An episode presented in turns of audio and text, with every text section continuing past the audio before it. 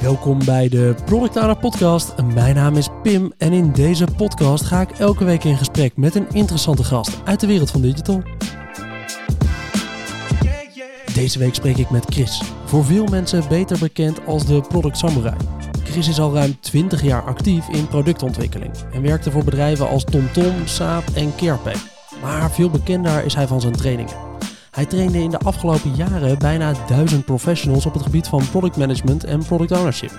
Ook schreef hij mee aan meerdere boeken over dit onderwerp en hielp hij bij de ontwikkeling van opleidingen voor Scrum.org. Op dit moment werkt Chris als Chief Product Officer voor Expandio, met als missie Raising Your Level of Product Management. Ik wilde wel eens een gesprek voeren over dat blijven groeien als product owner. Doe je dat door ervaring op te doen of zijn er andere stappen die je moet nemen? In deze aflevering gaan we daarom in gesprek over groeien als PO hoe je dat kan faciliteren als bedrijf en hoe je hier zelf invloed op hebt. Hey Chris, uh, leuk om je in een aflevering te hebben. En leuk om er te zijn. Ik vind het heel tof om je in de podcast te hebben. Hey, dat groeien als PO. Uh, eigenlijk doen we allemaal maar wat, een beetje logisch nadenken en praktische stappen zetten. Of is er eigenlijk wel een vast ontwikkelpad om beter te worden? Ik weet niet of er een vast ontwikkelpad is om beter te worden. Er zijn wel een aantal eigenschappen die we zien bij, bij PO's die we ja, die best wel uitgesproken zijn. En ook wel een bepaalde omgeving die je kan helpen om sneller te groeien of beter te groeien. En, um, ja, je had, je had het over, over martial Ik doe heel veel gekke dingen. Dus ik doe ook, uh, ik heb ook een tijdje meubels uh, geprobeerd te maken. Ja. Um, en de man die mij dat probeerde te leren, zei van hier schuurblokje, ga maar schuren. en op het eind van de dag kwam hij langs en zei, ah ja, als je het blokje zo vasthoudt, gaat het veel handiger. Dus uh, heel veel oefenen in de praktijk, dat, dat is een goed idee. Ja. Uh, soms is het ook wel handig als iemand je, die je vertelt van... als je het schuurblokje nou andersom vasthoudt... Dan, dan uh, doe je het in de helft van de tijd, Chris. Precies, precies. hey, leuk.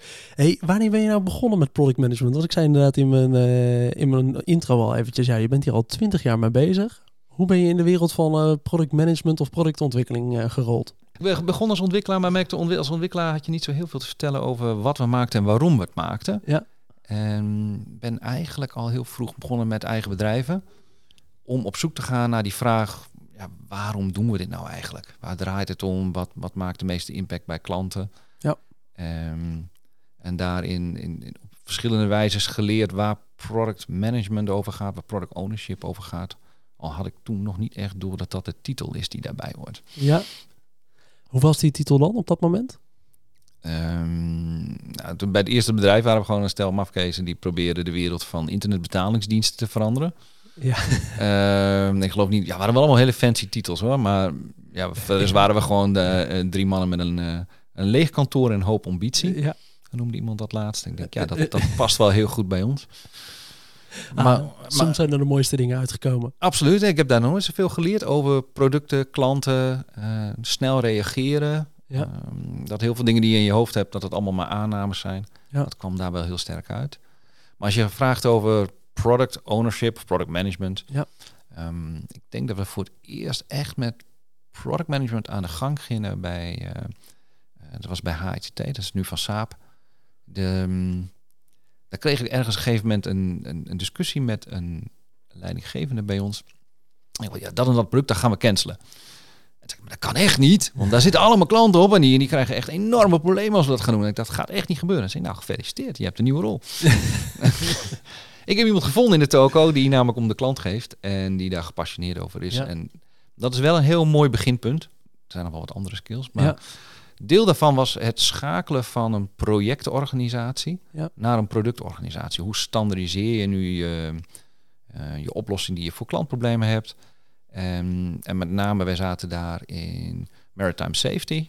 En je kun je nagaan dat als je, nou, voor de mensen die in Rotterdam zijn of daar wel eens langskomen, staan van die mooie gele paaltjes langs de Maas. En daar draaien allemaal witte uh, windmolens in de verkeerde richting.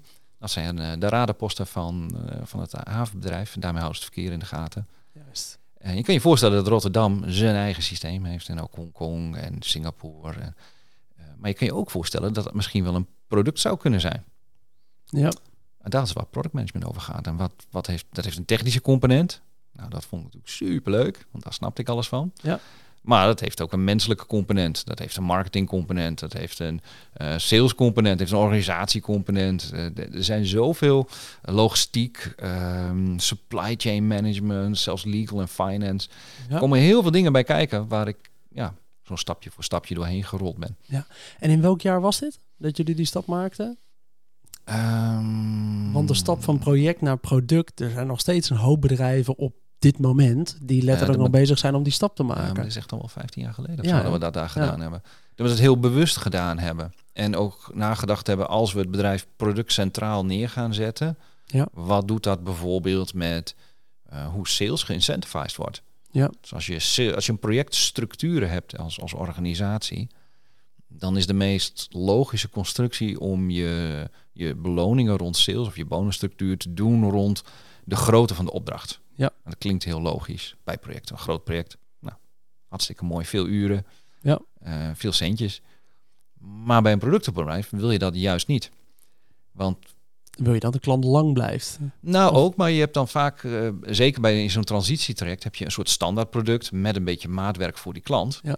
En als je je, je je processen bij sales niet hebt aangepast, dan gaan ze zoveel mogelijk aanpassingen aan de standaard verkopen. en dat wil je als bedrijf absoluut niet. Ja. Nee, dus een van de dingen die ik daar bijvoorbeeld geleerd heb, is dat ik me als productmanagement daar tegenaan ging bemoeien. En de, de coolste truc die ik daar geleerd heb, is te doen de, de product deviation list. Ja. Dat is de lijst van eh, afwijkingen ten opzichte van de standaard. Ja. Met als gedachte, hoe korter het lijstje, hoe hoger de bonus. Oh. Kijk, oh, die is wel mooi. Ja, ja, ja. In plaats van uh, sales inderdaad laten verkopen dat er aanpassingen op moeten, blijven ze nou zo dicht bij dat core product, lever dat aan je klant, dan wordt je bonus hoger. Ja, wij waren altijd heel boos op de salesmensen, maar daar konden er helemaal niks aan doen. Een systeem was ingericht op de andere kant op. Ja, de incentive lag op wat anders. Oh, wat goed. Hey, na al die jaren, dus je hebt ondertussen in die beginjaren veel gewerkt zelf in die product management rol of uh, product owner rol. Op een gegeven moment heb je de stap naar trainingen gemaakt. Want ik denk dat de meeste luisteraars die jouw naam voorbij hebben horen komen, je met name kennen ook van de trainingen. Ja, klopt. Hoe, is die, hoe is die stap geweest en hoe verhoudt dat zich met elkaar? Ja, ik denk ongeveer tien jaar geleden heb ik een switch gemaakt naar consultancy. Ja. Uh, met als gedachte, help, mijn bedrijf is ontploft ik heb een inkomen nodig. Ik, ik stap hier aan boord en uh, na een jaar stap ik gauw weer uit en ga ik echt leuke dingen doen. Ja. Um, maar verrassend genoeg vond ik het eigenlijk hartstikke leuk. En dat had ik zelf helemaal niet verwacht. Ik wou producten maken, maar naast iemand zitten en die helpen met producten maken. Heeft um, ook wel wat. Heeft ook wat. um, en, de, en het voordeel van interimwerk of consultancywerk is dat je bij heel veel organisaties terechtkomt. en ik ben gauw verveeld. Dus dat, uh, in die zin helpt dat mee. Dus ik vind het heel mooi om ergens ingeparachuteerd te worden door het systeem heen te kijken. Zeggen, ah, daar doet het zeer. Ja. Dit zou je kunnen proberen, dat zou je kunnen proberen. En als het treintje loopt, uh, ja, dat is vaak een ander soort mensen die dat heel fijn vinden om dat uit te bouwen en uit te lenen. Ja. Uh, en meestal heb ik daar wat minder geduld voor. Kan het wel hoor, maar ik krijg er wat minder energie herkenbaar, van. Herkenbaar, ja. En dan pas consultancy heel goed. En wat ik vooral daar merkte is als je een wat grotere groep hebt, dan ga je die in, in een ruimte trainen, of op een bepaald onderwerp of een bepaalde skill. En dat vond ik eigenlijk een nog leukere setting, omdat je dan in een hele, in een soort pressure cooker al je kennis mee kan nemen en overdragen, maar tegelijkertijd ontstaat er ook veel meer in de, in de wisselwerking. Uh, dus op het algemeen training mensen die super slim zijn, heel veel ervaring hebben, en dan vertel ik een bepaald concept of een bepaald probleem, ik vertel hoe ik het heb opgelost, um, en ik laat hun vertellen hoe zij het hebben opgelost. En eigenlijk zit er altijd de som van kennis zit in de, in de zaal. Ja. En dat maakt trainingen heel erg leuk. Omdat je eigenlijk mensen motiveert om met elkaar te delen. hey, dit werkte voor mij. Oh, dit werkte voor mij. Juist, dus het is met name het faciliteren van het kennisdelen ook wel. In plaats van alleen maar kennis over de bühne gooien. Nou, ik vind het ook leuk om kennis over de bühne te gooien. maar uh, ja, nee, maar het klopt. Uh, dus het zit, het zit in allebei. Dus ik zou... Uh, wat ik, wat ik mooi vind is als je een bepaalde richting meegeeft en dat je dan ziet dat alle mensen hun eigen draai eraan geven. Ja. En ja, dat zie je eigenlijk ook wel in, in martial arts. Als je naar uh, bijvoorbeeld judo kijkt. Ja. Die worpen die staan op papier. Die heeft meneer Kano, nou, ik geloof 150 jaar geleden bedacht. Ja. Uh, super knap. Maar iedereen heeft daar zijn eigen ding aan. En iedereen ander heeft een andere lichaamsbouw of een andere lengte. Um, en als je met verschillende mensen kan trainen, dan zeggen ze, hé, hey, weet je, maar ik, ik ga, zak eigenlijk iets meer naar die kant of ik zet mijn voet iets meer daarin. En dan denk ik, ja, nou, dat werkt voor mij niet. Um, oh, maar dat andere ding, dat werkt voor mij wel. Ja.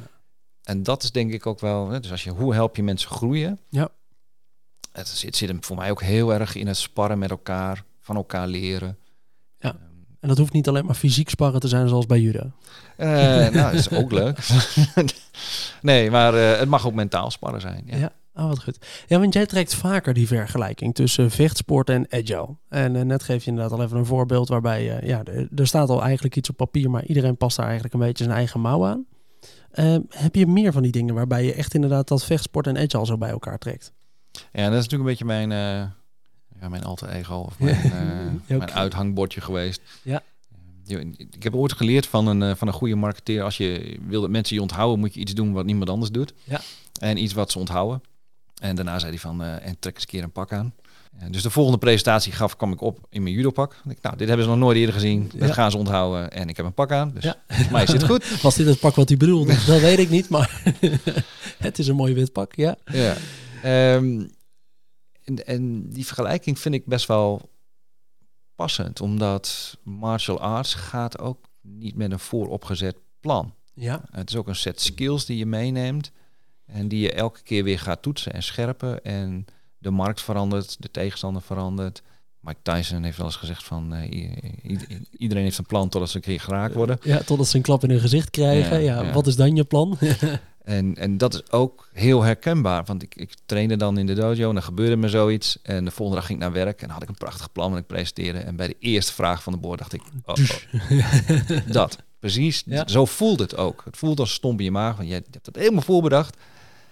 En ja, dat is even niet meer relevant. Dan moet je even wat anders bedenken. Ja. En dan is het wel fijn als je kan terugvallen op je, op je kennis die je hebt, of vaardigheden die je hebt opgedaan, of verschillende scenario's die je hebt bedacht. Hmm. Dan is daar inderdaad wel een mooie vergelijking tussen te trekken. Tussen inderdaad het vaardig zijn in die martial arts, inderdaad. En of het vaardig zijn in productmanagement. Ja, en je zou die vergelijking met alles wel kunnen trekken, denk ik hoor. Maar voor mij past die heel erg omdat hij heel dicht bij me ligt. Ja. En ik kan daarmee ook putten uit uh, verhalen die, uh, die mensen kunnen inspireren. Mensen luisteren vaak graag naar verhalen. Nou, ja. Vandaar dat je ook heel veel luisteraars hebt. maar uh, nee, maar mensen luisteren graag naar verhalen en denken, ah ja, dat, dat inspireert mij. Ik geef bijvoorbeeld, uh, mag, mag af en toe meehelpen met lesgeven bij de kinderen. Dat vind ik ontzettend leuk. Ja. Um, en soms is het ook wel lastig, omdat je zelf heel veel dingen onderbewust doet. En de kunst is dan weer helemaal terug te gaan naar het begin. En denken, ja, ik kan je een hele moeilijke worp uitleggen. Ik kan je ook leren hoe je je voeten neerzegt. Ja. Um, en dat gebeurde mij ook als ik train of als ik aan het coachen ben. Dan denk ik, ja, ik kan jou uh, business model canvassing uitleggen. En, en over liquiditeit gaan praten. En over, over equity. En, en allerlei ingewikkelde dingen over hoe je een bedrijfsvoering doet. Ik kan je ook eerst even leren uh, hoe je een use story schrijft. Ja. Of uh, hoe je een sprint review faciliteert. Of zorgt dat stakeholders welkomen op dagen. Ja. En uh, laten we nou eerst de basis maar eens fixen. En gaan we dan wel wat verder de diepte in. Precies. Juist. Ah, ik vind het een mooie vergelijking. Hey, voordat we even wat verder richting dat hoofdonderwerp gaan, vind ik het leuk om nog heel eventjes één ding uit te lichten. Namelijk met diezelfde titel waar we het net eigenlijk over hadden, dat Product Samurai, heb je eigenlijk al jaren geleden, zes jaar geleden, een boek geschreven. Ja, ja dat gaat vanzelf. Is dat boek nog steeds relevant? Hij is een evergreen. Het is, ja. is een standaardwerk. Ja. Um, ja, dat denk ik wel. Um, dus Product Samurai gaat over eigenlijk alle dingen die ik gedaan heb in mijn leven op het gebied van product management die gelukt zijn en die mislukt zijn. Ja. En die stellen steeds een vergelijking met um, iets, iets uit de martial arts. Uh, bijvoorbeeld die opmerking van Mike Tyson die jij uh, ja. ook aanhaalde. Die staat daar ook in. En gaat over, joh, als je dat nou gebeurt, wat kan je doen om je daar beter op voor te bereiden? Juist. En dan geef ik wat voorbeelden daaruit uit mijn eigen praktijk, hoe mij dat gebeurd is, zowel positief als negatief. Ja. En daar kunnen mensen dan hun eigen verhaal aan vastplakken. Ah, leuk. Ah, wel leuk als je daarop terug kan kijken, toch? Zes jaar geleden een boek geschreven en nog steeds wel, uh, wel relevant. Um, een laatste puntje waar ik nog uh, op wil ingaan voordat we naar dat hoofdonderwerp doorgaan, is uh, Expandior, waar je op dit moment zit. Want daar is namelijk, dat is wel heel erg gerelateerd aan het onderwerp van vandaag, raising your level of product management. Ja, absoluut. Wat, wat betekent dat? Ja, bijna letterlijk wat er staat, hè? maar dan vertaald. Ja? Nee, uh, de missie van Expandior gaat echt over product management en gaat over mensen, individuen dus, en ja. organisaties helpen om beter te worden in product management. Ja. En de gedachte erachter is dat we, we hebben natuurlijk de agile transformatie golf gehad, waarbij alle bedrijven agile gingen werken. Ja. Um, en dan ik, ik ben van de vergelijking. Ik zeg altijd, als je yoga doet, super handig. En mijn dochter heeft, geloof ik, tien jaar ballet gedaan. Super flexibel. Op het moment dat die martial arts ging doen, ja. ging dat haar heel makkelijk af. Ehm, maar voor die tijd kon ze, nou niet zeggen geen deuk in een pakje boot, maar kon ze niet goed slaan bijvoorbeeld. Ja. En dat geldt voor product management ook. Heel veel bedrijven hebben die agile transformatie doorgaan, zijn flexibeler geworden, zijn eh, sneller geworden, kunnen beter op marktvragen inspringen. Ja. Maar hebben heel weinig geïnvesteerd eigenlijk om uit te vissen wat die marktvraag dan is en hoe je een impactvol product maakt. Ja. Dus die rol van de product owner is heel veel op gecoacht en getraind vanuit een procesaspect. Ja. Zo werkt Scrum, zo werkt Safe, zo werkt Les, uh, zo werkt Nexus. Dit zijn de events die je kan doen, dit zijn de artifacts. En dat is allemaal heel belangrijk. Ja. Maar we hebben ze relatief weinig skills bijgebracht als het gaat om stakeholder management, als het gaat over uh, onderhandelen, als het gaat over eh, het bedenken van businessplannen, hoe scheid je strategie, operatie, tactisch. Ja. Dus daar zit nog best wel een groot terrein. En het, het goede nieuws is, als je al heel agile bent, dan wordt het ook makkelijker om product management te doen. Juist. Ah, kijk, ja, precies. Nee, dat, ik denk dat dat ook wel te herkennen is. Hè. Ook in de onderzoeken die we doen, komt dat ook vaak als grote leervraag naar boven. Hè. Dus mensen hebben eigenlijk stiekem best wel wat moeite om goed stakeholder management te doen, een goede productvisie op te bouwen. Ja, dat is wel, of om een mandaat te krijgen. Dat zijn wel die dingetjes waar ze best wel moeite mee hebben eigenlijk nog in hun werk. Dus ik snap wel wat je, wat je zegt met het feit, ja, bedrijven hebben heel veel geïnvesteerd in het proces faciliteren. Dat staat nu. Ik denk dat de 80, 90 procent van alle techbedrijven in Nederland met sprints werkt. Maar die volgende stap, daar is nog wel wat te maken.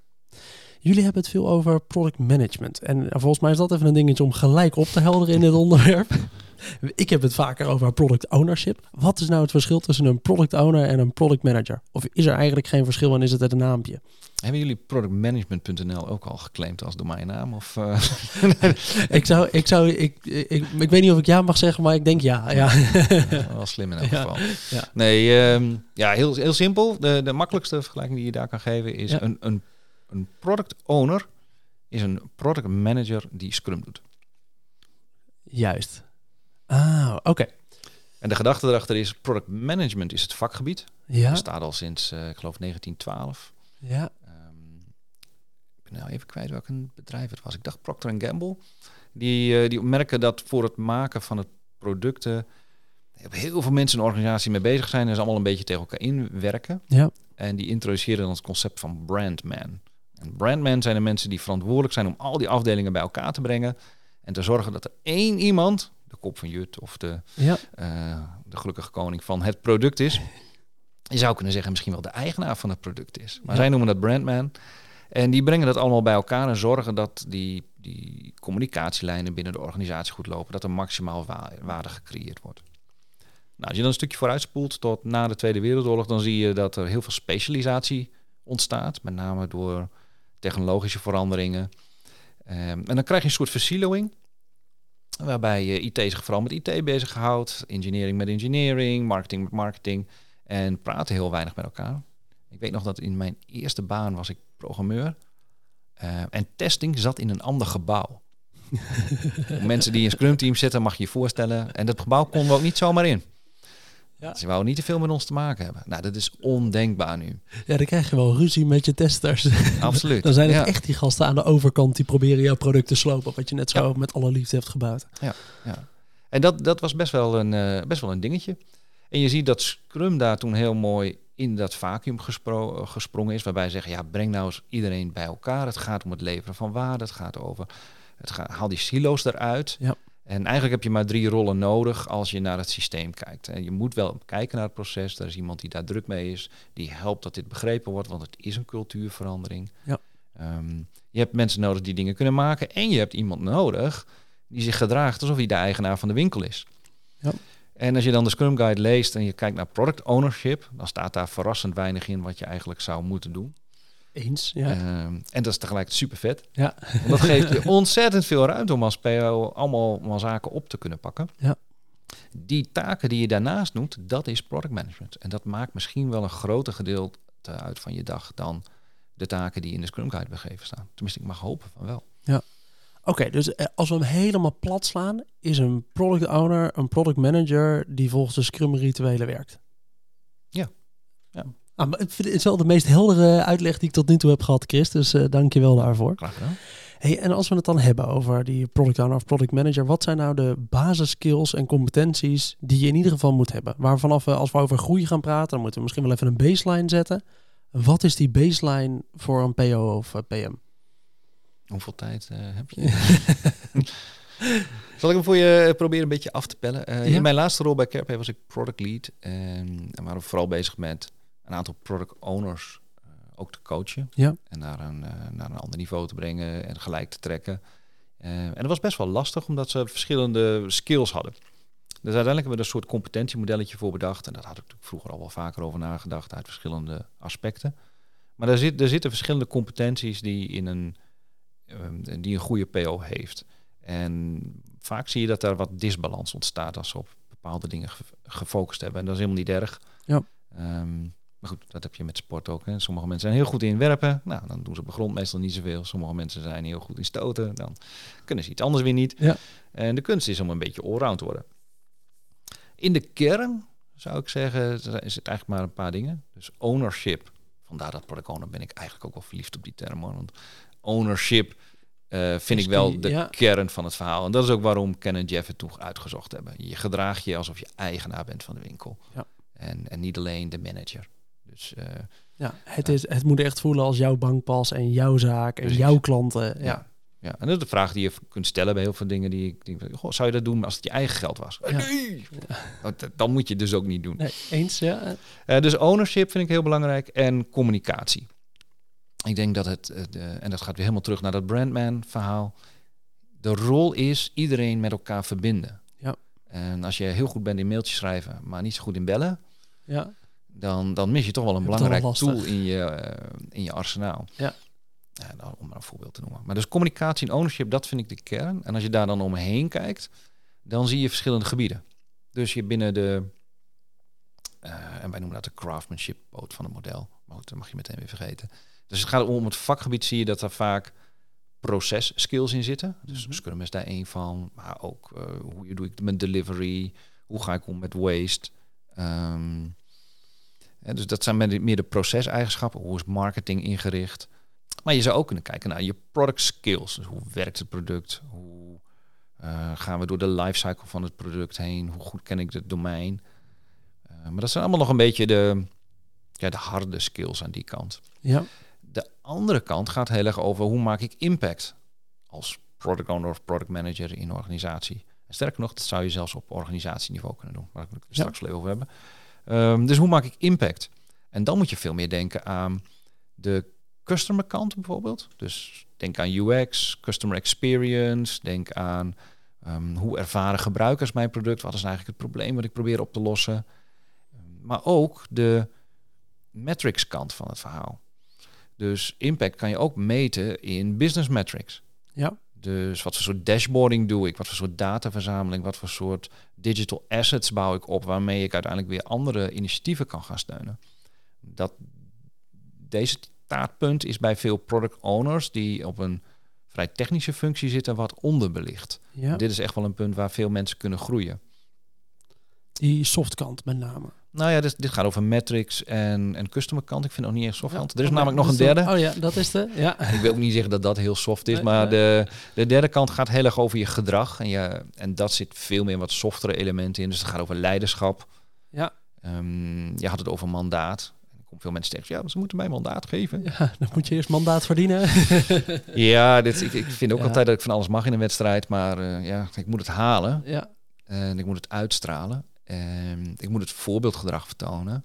En daar zit heel erg dat leiderschapsstuk in. Eh, volgens mij hebben jullie Willem Vermaak ook al een keer in de podcast gehad. Nou, Ja. Die zal het ongetwijfeld over Jocko Willing hebben gehad. ja, het, het heeft hij het wel even over gehad. Ja, ja. Eh, kan ik heb van, eh, van Willem veel, eh, veel geleerd op dat punt. Dus die, dat ownership waar, waar Jocko het over heeft, is het voortleven van de waardes. Jij bent de leider van de hut. Mensen kopiëren jouw gedrag. Ja. Ehm, en aan de andere kant heb je het people stuk. Dus hoe bouw ik een coalitie om me heen? Hoe zorg ik dat mensen het leuk vinden om met mij te werken, dat het fijn vinden om mij te werken? Ehm, en dat geldt voor mijn eigen mensen. Nou, daar via in Scrum Master trainingen best wel veel weer terugkomen. Maar dat geldt ook voor governance, compliance, legal, budgeting, finance, procurement. Al die fijne afdelingen waarmee we het zo leuk vinden om samen te werken. en ja, ik zie je lachen. Maar in, in de praktijk, als het je wel lukt en jij bent eigenaar van. van. de hut, um, dan gaat het niet over supergoed je product kunnen maken. Ja. Als ik nou hier uh, naar de luisteraars van, uh, van deze aflevering, uh, als ik daar even aan denk, nou, dan ga ik er even vanuit dat ze een beetje gelijk zijn aan het profiel van het onderzoek. dat zijn mensen die nu twee, drie jaar aan het werk zijn als, als product owner. Ehm, vaak de, een van de drie PO's zijn of zo binnen hun bedrijf. Mhm. Die mensen zijn daar al een tijdje aan de slag en die denken nu, nou, volgens mij is elke product owner leergierig. Ik wil wel een beetje doorontwikkelen. Maken zij, kijk, ergens maken zij allemaal vlieguren. Maar moeten ze nou nog iets anders doen om zich door te blijven ontwikkelen? Als we het hebben over dat groeien als product owner. Waar groei je dan in? Hoe kom je erachter waar je in moet groeien? Dat zijn drie vragen, geloof ik. Nou. Ja, dat zijn er een paar. Oké. in mijn brein had ik bij de eerste vraag gezegd van koop mijn boek en koop mijn training. maar dat het is niet het antwoord wat ik zou willen geven. Um, nee, de eerste vraag die, die gaat over van uh, is dat genoeg vlieguren maken? Ja, dat is één. Um, ik zou zeggen nee ja, Bruce Lee zegt dat geloof ik. Van don't fear the man that uh, practiced a thousand punches. Ja. Practice the, uh, fear the man that practiced a single punch a thousand times. Ja. Um, dus ja, vlieguren is super handig. Ja. Als je dat all over the place doet en ongefocust, dan is dat misschien niet, niet de beste manier om het allerbeste te worden daarin. Ja, um, precies. Dus weten waar je die vlieguren in maakt is, is heel erg handig. Ja. Um, en naast vlieguren heb je dus, en dan krijg je inderdaad, oké, de vlieguren is niet per se genoeg. En dan was mijn tweede vraag was inderdaad, hoe kom je er nou achter? Of dat je iets moet gaan leren, iets bij moet gaan leren en wat zou dat dan zijn? Hoe ontwikkel je dan door? Ja, nou ja, dit, het modelletje van ons is natuurlijk niet helemaal uit de lucht komen vallen. Ik heb ooit een blog geschreven over de, de five belts van de product owner. Ja. En die ging over Ehm, in judo hebben we dat bandensysteem. Dat helpt ons met ons ongeduld en geeft ons een beetje aan ook wat werkt op bepaalde levels van maturity. Ja. En je zou eigenlijk willen gaan kijken van wat is nou mijn volwassenheid, rolvolwassenheid als product owner. En zit ik bijvoorbeeld, als je kijkt naar de productontwikkelkant, misschien dat ik daar al gewoon heel goed in ben. Maar misschien dat ik nog niet zo sterk ben in dat leiderschap tonen. Of in de metrics en data kant of in de UX kant. Dus je zou een soort assessment willen gaan doen langs die verschillende competentieassen. Ja. Uh, en er zijn, uh, er zijn verschillende organisaties die je daarbij kunnen helpen. nee, maar uh, je kan dat ook zelf natuurlijk doen. Je kan ook zelf kijken naar wat zijn mijn, um, mijn capabilities op die vlakken. En als je naar zo'n model kijkt, wat, waar wil ik nou ontwikkelen? Ja. En dat kan bijvoorbeeld te leiden, wat ik bijvoorbeeld wel eens gedaan heb, is dat ik toen ik meer wou weten over UX, dat ik me veel explicieter ben gaan bemoeien met het UX research wat we deden. Uh, super interessant, vertel me meer. Nou, ik ga naar een klant. Oh, leuk, mag ik mee? Ja. Uh, sterker nog, leuk interview. Ik heb nou één keer naast gezeten. Het volgende wil ik doen. Ja. En langzamerhand bouwde ik die skillset op. En sommige mensen zullen denken, ja, maar als je UX'ers hebt, dan doen die dat toch. En dat is waar. Maar het helpt mij wel met daarna de goede vragen kunnen stellen. Um, en veel meer challengen wat voor soort onderzoek ze moesten doen. Dus dat is een van de manieren hoe ik dat stukje heb geleerd. Uh, dus dat zou ik doen. Dus kijk naar welke competenties in een model zijn relevant voor mijn rol? Waar wil ik mij in ontwikkelen? Ja, welk model hebben we het nu over? Um, ja, op de website van Expandio kun je daar iets over lezen. En ik heb er ook een paar blogs over geschreven. Het gaat over uh, product management maturity. Ja. En dat gaat langs die assen van impact, uh, gedrag, en uh, mastery of craftsmanship van je, van je rol. Kijk, uh, onder de LinkedIn-post over deze aflevering zullen we eventjes een afbeelding van dat model delen, denk ik. Ja, ik denk dat handig is. Ja, en recentelijk op LinkedIn is er inderdaad ook een, uh, een blog van mij weer gedeeld rond die six pillars. Top. En ja, weet je, all models are wrong, some are useful. Ja. Een briljante uitspraak. Het is maar een model. Ja. Dus kijk ook vooral naar je eigen situatie. Het kan zijn dat jij in een situatie zit waar je denkt, ja, maar dit stukje is voor mij helemaal niet relevant. Nee. Of ik wil gewoon niet in die rol groeien, of het past niet bij Ja. mij. Prima. Precies. Uh, maar we kijken heel bewust naar je eigen profiel, kijk naar je carrière, kijk naar je volwassenheid in die rol. Ja, En neem dan een gerichte interventie. Dus maak voor jezelf een soort leerplannetje ja. hoe je daar beter in wil worden. ja, wat denk ik wel grappig is, ik denk dat wij allemaal heel erg goed zijn in het on- doorontwikkelen van producten. Daar zijn we allemaal op gefocust. Maar als het nou gaat om het doorontwikkelen van onszelf, dan zijn we daar misschien wel minder mee bezig. Maar eigenlijk kun je dan op heel veel vlakken op dezelfde manier benaderen, volgens mij. Want als wij willen weten hoe we ons product nou moeten doorontwikkelen, wat doen we dan? gaan we naar een klant toe en dan vragen we... hey, wij gebruiken nou eigenlijk dat product al een hele tijd. Als je dat nou gebruikt dagelijks, eh, waar kom je dan achter waar je wel eens aan stoort? Ja, dan stoor ik me hier en hier wel eens aan. Maar heb je die vraag bijvoorbeeld wel eens gesteld aan je leidinggevende of aan een collega?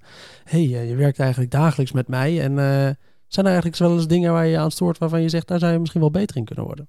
Dat is een hele transparante, misschien ook wel soms pijnlijke vraag, maar ik denk dat het misschien wel de way to go is om productontwikkeling op die manier ook op jezelf toe te passen als je bezig bent met het doorontwikkelen. Ja. Hoe zie je dat anders? Nee, dat, en dat is precies wat ik uh, vanuit Expandio nu probeer bij een aantal bedrijven te helpen. Ja. Uh, dus ik ben heel blij dat we met een aantal organisaties hebben kunnen praten over dat model en kunnen kijken naar hun product owners. Van waar bevind je je daar nou in? Ja. Um, en eigenlijk die vraag te stellen die jij ook stelt. Van, uh, welke features moeten erbij en welke moeten eruit? Nee, ja. nee maar waar zitten mijn ontwikkelpunten? En het aardige wat daarin zit is, deels is persoonlijk. En dus ik wil me een bepaalde richting ontwikkelen of ik zie bepaalde competenties bedoel. En deels is uh, systemic. Uh, sommige organisaties moeten ook nog een verandering door om die ruimte te bieden. Ja. Dus dat is altijd een beetje. En, en again, dat zie je met, met judo uh, ook. Ik ben super blij met de dojo waar ik mag sparren. Waarom? Omdat het bar staat van de hogere danners. Ja.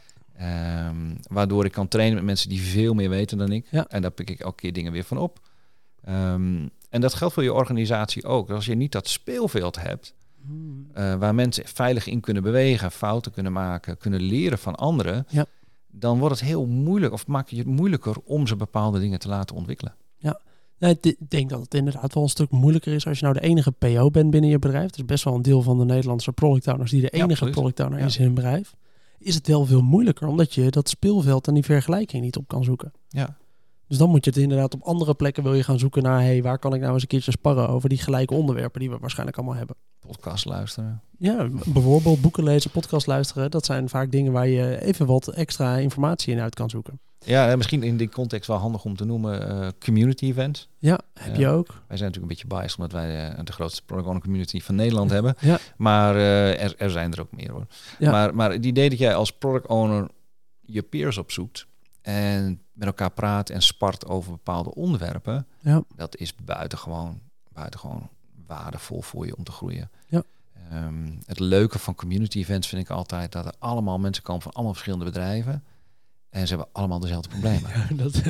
dat vind ik zo grappig. Heb je een product owner wat jij hebt? Dus ik ben de enige product owner. Ik heb vier developers. Ik probeer een productje te maken. Hier en hier lopen tegenaan. En die zit naast iemand. Ja, ja, ik zit bij ABN. Ik heb acht teams. En uh, uh, ik heb echt hetzelfde probleem. Ja, ja, grappig hoe dat is. Hey, als je nou zegt, ik, uh, ik wil me dus doorontwikkelen als, als product owner. Dus ik wil ergens beter in worden. En je gaat dus een beetje op zoek naar waar, waar kan ik nou beter in worden. Zijn er dan een bepaald aantal richtingen waarvan je nou zegt... dit zijn de, de paar vaste richtingen waar je als PO op zou kunnen focussen... om je op te gaan doorontwikkelen? Ja, dus wat de meeste zien bij als je over product owners praat, is dat die veel getraind zijn vanuit Scrum. Dus die zijn vaak zeer bedreven in, uh, in hoe Scrum zou moeten werken. Ja. Wat daar vaak een, een, goede stap is, is houding en gedrag. Ja. Dus dat is ook wat wij veel gezien hebben bij product owners. Daar hebben we toen PSPO-A voor gemaakt voor Scrum.org.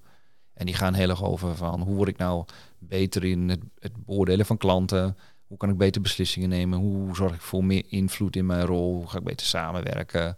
Hoe ga ik beter experimenten draaien? Ja. Uh, hoe ben ik meer visionair? En doe ik meer aan storytelling? Dus dat is een, dat is een aardige vervolgstap. Ja. Uh, en dat gaat over de six stances van de, van de product owner. Daar ja. kunnen we ook allemaal blogs aan toevoegen. Daar hebben ja. heel veel over geschreven. Daar moeten we misschien nog een keer een andere aflevering over opnemen. Ja. Zeker. ja. Nee, maar los daarvan, dus dat is houding en gedrag. Uh, qua de wat hardere skills, uh, denk ik dat design thinking en UX in die hoek zit, zit, zit een ruimte. enorme winst. Ja. En de derde de, een, een, derde tak is metrics. Ja. Metrics en data. En ik denk dat we steeds meer data gedreven worden. En daar kan je twee kanten mee op. Of als PO kan je daar iets meer mee. Ja. Ik ga ervan uit dat we allemaal Excel-goeroes zijn. uh, maar ik zie ook steeds een groter percentage mensen die ook gewoon Python opencrackt. Uh, ja, Tableau, en, de hele dashboard. En Tableau, en dat soort dingen. Dat soort skills worden toch normaler onder een aantal PO's. Um, en de derde die ik zie is uh, qua softe kant dan, is, is leiderschap. We worden steeds meer gezien als leiders van het team. Niet in de zin dat we verantwoordelijk zijn voor hun persoonlijke ontwikkeling. Nee. Maar voor het neerzetten van een droom waarachter meerdere mensen in de organisatie gaan rennen. Ja, precies. Divisie plaatsen waarvoor we met z'n allen echt willen lopen. En ook al ben je dan niet een echte teamlead, ja, ik ervaar het ook overal weer waar je eigenlijk in deze functie wordt gezet. Ja, hey jongens, ik zit in het team, hè, ik ben niet de teamlead. Ja, maar voor de organisatie ben jij ook eigenlijk wel de teamlead. Ja, ja wel als het gaat om het product. Ja, zeker. Ik ben, ben echt eigenaar van het product. En eh, ik herinner me een, uh, een dame bij RTL die we aan het coachen waren. En die was extreem goed. Die begon elke meeting, begon ze weer met laat me nog even meenemen wat ook alweer de missie van het product is. Ja. Dat weten jullie ook allemaal. Oh ja, kan iemand hem ook opnoemen? Nee? Nou, dan ga ik hem nog een keer vertellen. Uh, tot in den treuren deed ze dat. Uh, waardoor je iedereen in het bedrijf kon aanspreken. En iedereen wist wat het verhaal was. Ja. En dat deed ze extreem goed. Dat was, was echt een korte productvisie die ze altijd even wisten te delen. Ja. Ah, dat vind ik wel cool, als je dat goed doet. Ja, dus die was heel getraind. Die had meerdere verhalen in haar broekzak... waarbij ze elke keer uh, kon zeggen... oké, voor jou ga ik dat verhaal vertellen... voor jou ga ik dat verhaal vertellen. Ja. En dat is wel een eigenschap van leiderschap. Dat je bij iedereen een persoonlijke klik kan maken... en mensen mee kan nemen uh, achter jouw product aan. Ja, mooi. Hey, laatste puntje in deze categorie waar ik het even over wil hebben. Hoe faciliteer je nou als bedrijf dat je product owners uh, kunnen blijven groeien? Ja, dat hangt een beetje van de grootte van het bedrijf af. Ja. Um, en er zijn twee routes die ik gezien heb die succesvol kunnen zijn. Um, er zijn vast nog wel meer dingen die je zou kunnen doen. Ja. De um, route die ik zelf heb ervaren als heel waardevol is een soort buddy systeem. En we hadden het net voor die tijd even over, over de tandemfiets hier, waarbij iemand achterop zit en als het nodig is even meetrapt. Um, het kan ook andersom. Ik weet dat ik een tijdje uh, supergoeie productmanagers heb mogen schaduwen. Dat was in mijn tijd bij, uh, bij TomTom. Uh, en ik dacht dat ik al heel goed was, maar dat bleek toch wel op een andere speelniveau te zijn daar. En daar heb ik extreem veel van geleerd door de kunst een beetje af te kunnen kijken bij iemand of mogen kijken ook. Um, die gewoon al wat verder op de reis is. Ja. Dat vond ik een extreem goede manier. Dus verzin een soort buddy systeem waarbij mensen ook verantwoordelijkheid hebben om andere mensen mee te nemen. Ja. Um, en de tweede is dat je zo'n maturity model, in welke vorm dan ook, in je organisatie gaat embedden. Ja. Wanneer je gaat kijken, joh, we leggen iedereen langs deze meetstaf. Ja. Of je nou wel of niet aan salaris koppelt, dat, dat mag je allemaal zelf verzinnen. Maar uh, ik ben, ben vooral voor het leren. Ja. Dus ik meet jou en ik, uh, we zien dat we op die en die competenties, dat je ontwikkelpotentieel hebt. En daar gaan we dus ook iets voor organiseren. Ja. Dus we gaan een leerreis voor jou uitzetten die um, gestandardiseerd, op, op een soort gestandardiseerd model zit, die wij binnen de organisatie hanteren. Want daarmee voorkom ik dat ik sommige mensen anders behandel dan anderen. Ja. Oh, kijk. Mooi. Oké ik denk dat we in deze aflevering nu al een heel mooi beeld hebben neergezet van, nou ja, één, wat is nou een product owner en een product manager? Die hebben we even uit de lucht nou, geklaard, die hebben je met één zin opgelost. Voor eeuwig. Wat zijn nou je basiskills als product owner en dat dat in een paar verschillende hoeken eigenlijk hangt? Hoe kom je er nou achter van jezelf waarop je door zou kunnen ontwikkelen? Wat zijn dan een paar basisstappen waar je naartoe zou kunnen gaan? We hebben het even gehad nu over wat kun je nou als bedrijf ook doen om te zorgen dat je product owners zelf kunnen doorontwikkelen. Ik denk dat we daarmee een hele mooie aflevering hebben. Ik vind het leuk om nog even naar de grote lessen toe te gaan. En daarbij is eigenlijk de eerste vraag altijd, ja, wat is nou je meest gegeven tips, een tip aan product owners om door te ontwikkelen? Heb je één zo'n basistip die je eigenlijk heel vaak roept? En ik denk dat het in lijn is met wat ik uh, bij, bij die laatste zei. Dus vind andere product owners. Ja. Um, en dat is super grappig. Ik, ik train best wel veel mensen. En als je Scrum Master getraind hebt en je spreekt ze een half jaar later, dan hebben ze elkaar allemaal opgezocht en een community of practice gemaakt. En elke vrijdag hebben middag hebben ze het benen op tafel en dan wisselen ze kennis uit. En, dat is een heel natuurlijk gedrag voor Scrum Masters. Programma's zijn altijd druk. Ja, uh, moet, moet, moet geen tijd voor. Ik moet nog, uh, ik moet nog presentatie voorbereiden en cijfers. En ja, ja, vriend, maar als jij geen tijd maakt voor je ontwikkeling, niemand anders gaat dat doen. Nee. Dus tip 1 is vind andere product owners in je organisatie en schrap een blok uit je kalender. Ja. Uh, want ik weet ook dat die van jou helemaal vol zit. Dus schrap er een blok uit en zeg één keer in twee weken, de, eh, de woensdagmiddag. Neem ik even tijd. Neem ik twee uur en dan gaan we, nee, nemen wij twee uur en gaan we iets doen. En dat kan zoiets zijn als een, uh, voor mij doe je een boekclub, uh, je doet een presentatie. Ja. er is altijd een soort kalender van onderwerpen waar je aan wil werken. Ja. En we gaan zelf met elkaar die kennis delen. Ja, het is mooi. Nee, ik denk inderdaad, het is veel meer Scrum Master eigen om tijd te spenderen aan dit soort dingen. Terwijl wij veel meer gefocust in zo'n product kunnen zitten. En gewoon denken, ja, we moeten rammen. Shit, hebben we nou weer zo'n portfolio-update met alle PO's? Daar heb ik eigenlijk al geen tijd voor. Ik moet even doorrammen aan deze, want dit ligt er volgende week op de, eh, op de, de, op de stoep voor me. Uh, dus een goede tip. Hey, wat moet je nou vooral niet doen als je wil werken aan je ontwikkeling als PO? Wat is nou zo, wat is nou, waardoor blijven veel mensen steken op het niveau waar ze zitten? Ja, en, en, dat is wel gerelateerd aan die, aan die eerste. Ik denk dat heel, eigenlijk zeg je dat al. Hè? ja. ik, moet nog een portfolio opdoen. Ik moet mijn backlog nog op orde maken. Oh, ik heb nog een presentatie die moet doen. En de jaarcijfers komen eraan. En, um, er zit in een soort hamstermolentje. Ja. En uh, de gedachte die we hebben eh, is als we harder lopen, dan, dan komt het wel een keer goed. Maar het enige wat gebeurt is dat het wieltje harder gaat draaien. Ja. Want de omgeving denkt, oh dat is gaaf, dat hamstertje loopt hard. Nou, dan kan er wat bij. um, dus wees heel erg bewust van je tijd. En dat is misschien zo'n open deur, maar um, creëer in je agenda blokken voor de dingen die je gaat doen. En als je dat, uh, oh nee, dus ik weer de tip, positieve tip te geven. Hè? Ja, nee, dus de negatieve tip is geen tijd hebben voor je, voor je ontwikkeling en eigenlijk altijd achter dat eerstvolgende urgente ding aanrennen. Ja. Uh, en dan is er altijd weer een urgent ding. Ja. Eens. Ik denk een hele goede. Hè? Want ja, dat is altijd heel verleidelijk om inderdaad in die molen te gaan uh, zitten en gewoon te gaan rennen. Ooit gaf uh, Astrid Klaassen hier de tip dat, dat je team, namelijk je team heb je ook wel eens de voorkeur van toch om er zoveel mogelijk werk tegenaan te gooien, want dan gaan ze harder werken. Ja.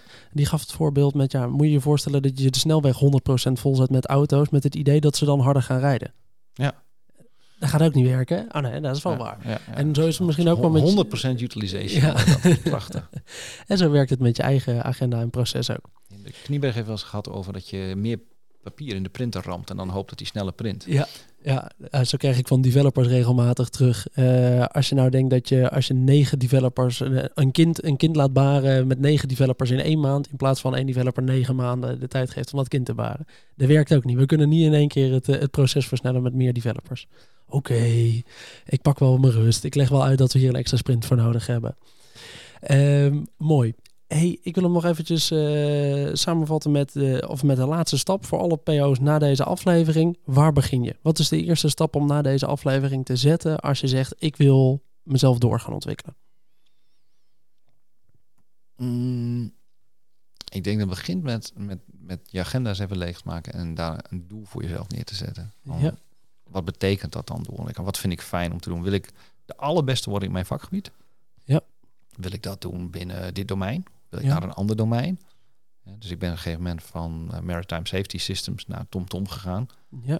Bewust omdat ik van B2B graag een keer naar B2C wou. Um, dus dat kan je doen. Hè. Dus wil ik, wil ik langs de, de as van inhoud ja. eh, of verschillende type producten, verschillende domeinen eh, kennis opdoen. Uh, en de andere as die je zou kunnen overwegen, of wil ik graag leider worden van een organisatie? Wil ik mensen, vind ik mensen leuker dan dingen? Eigenlijk is dat de vraag. Wil ik, vind ik dingen leuk? Ja. Uh, dan word ik de allerbeste dingenmaker. Ja. Uh, en de andere categorie mensen valt vaak in, ik vind mensen eigenlijk leuker. Ja. Nou, dan wil je de allerbeste mensen maken. En dat maakt wel ergens een soort switch. Als je naar een head of product role oh. gaat of een chief role, dan moet je je eigenlijk niet meer bezig willen houden met de dingen. Ja. En, en zou je eigenlijk 80% van je tijd wel willen steken in de mensen. En als het ding stuk is, dan moet jij de mensen coachen. Van, of jullie metafoor iets harder trappen op de fiets. Ja. Uh, volgens mij moet jij wat doen. Ja. Hoe kan ik jou helpen zodat dat probleem weggaat en niet het probleem voor oplossen? Kijk, Hey Chris, ik vind het een uh, superleuke aflevering. Ik vond het leuk om je te gast te hebben.